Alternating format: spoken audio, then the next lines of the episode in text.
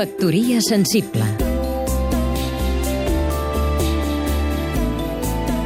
David Castillo, escriptor.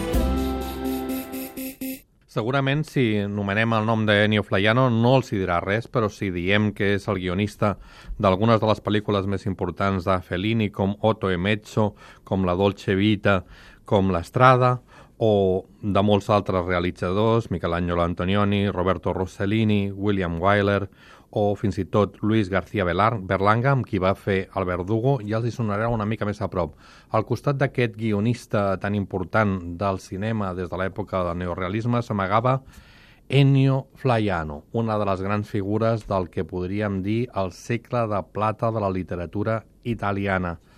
Precisament aquests dies eh, acaben d'aparèixer dos llibres d'Ennio Flaiano, un en castellà, Diari de los Errores, i un altre en català, Diari Nocturn, que destaquen pels seus aforismes. Flaiano va ser un gran poeta al costat d'un gran narrador. Com a exemple, podríem donar dos breus aforismes, per exemple, quan diu lluiten per les idees, tot i no tenir-les, un altre que una mica més llarg que diu l'avorriment i la melangia l'esperen a un on vagi per divertir-se, per fer-lo canviar.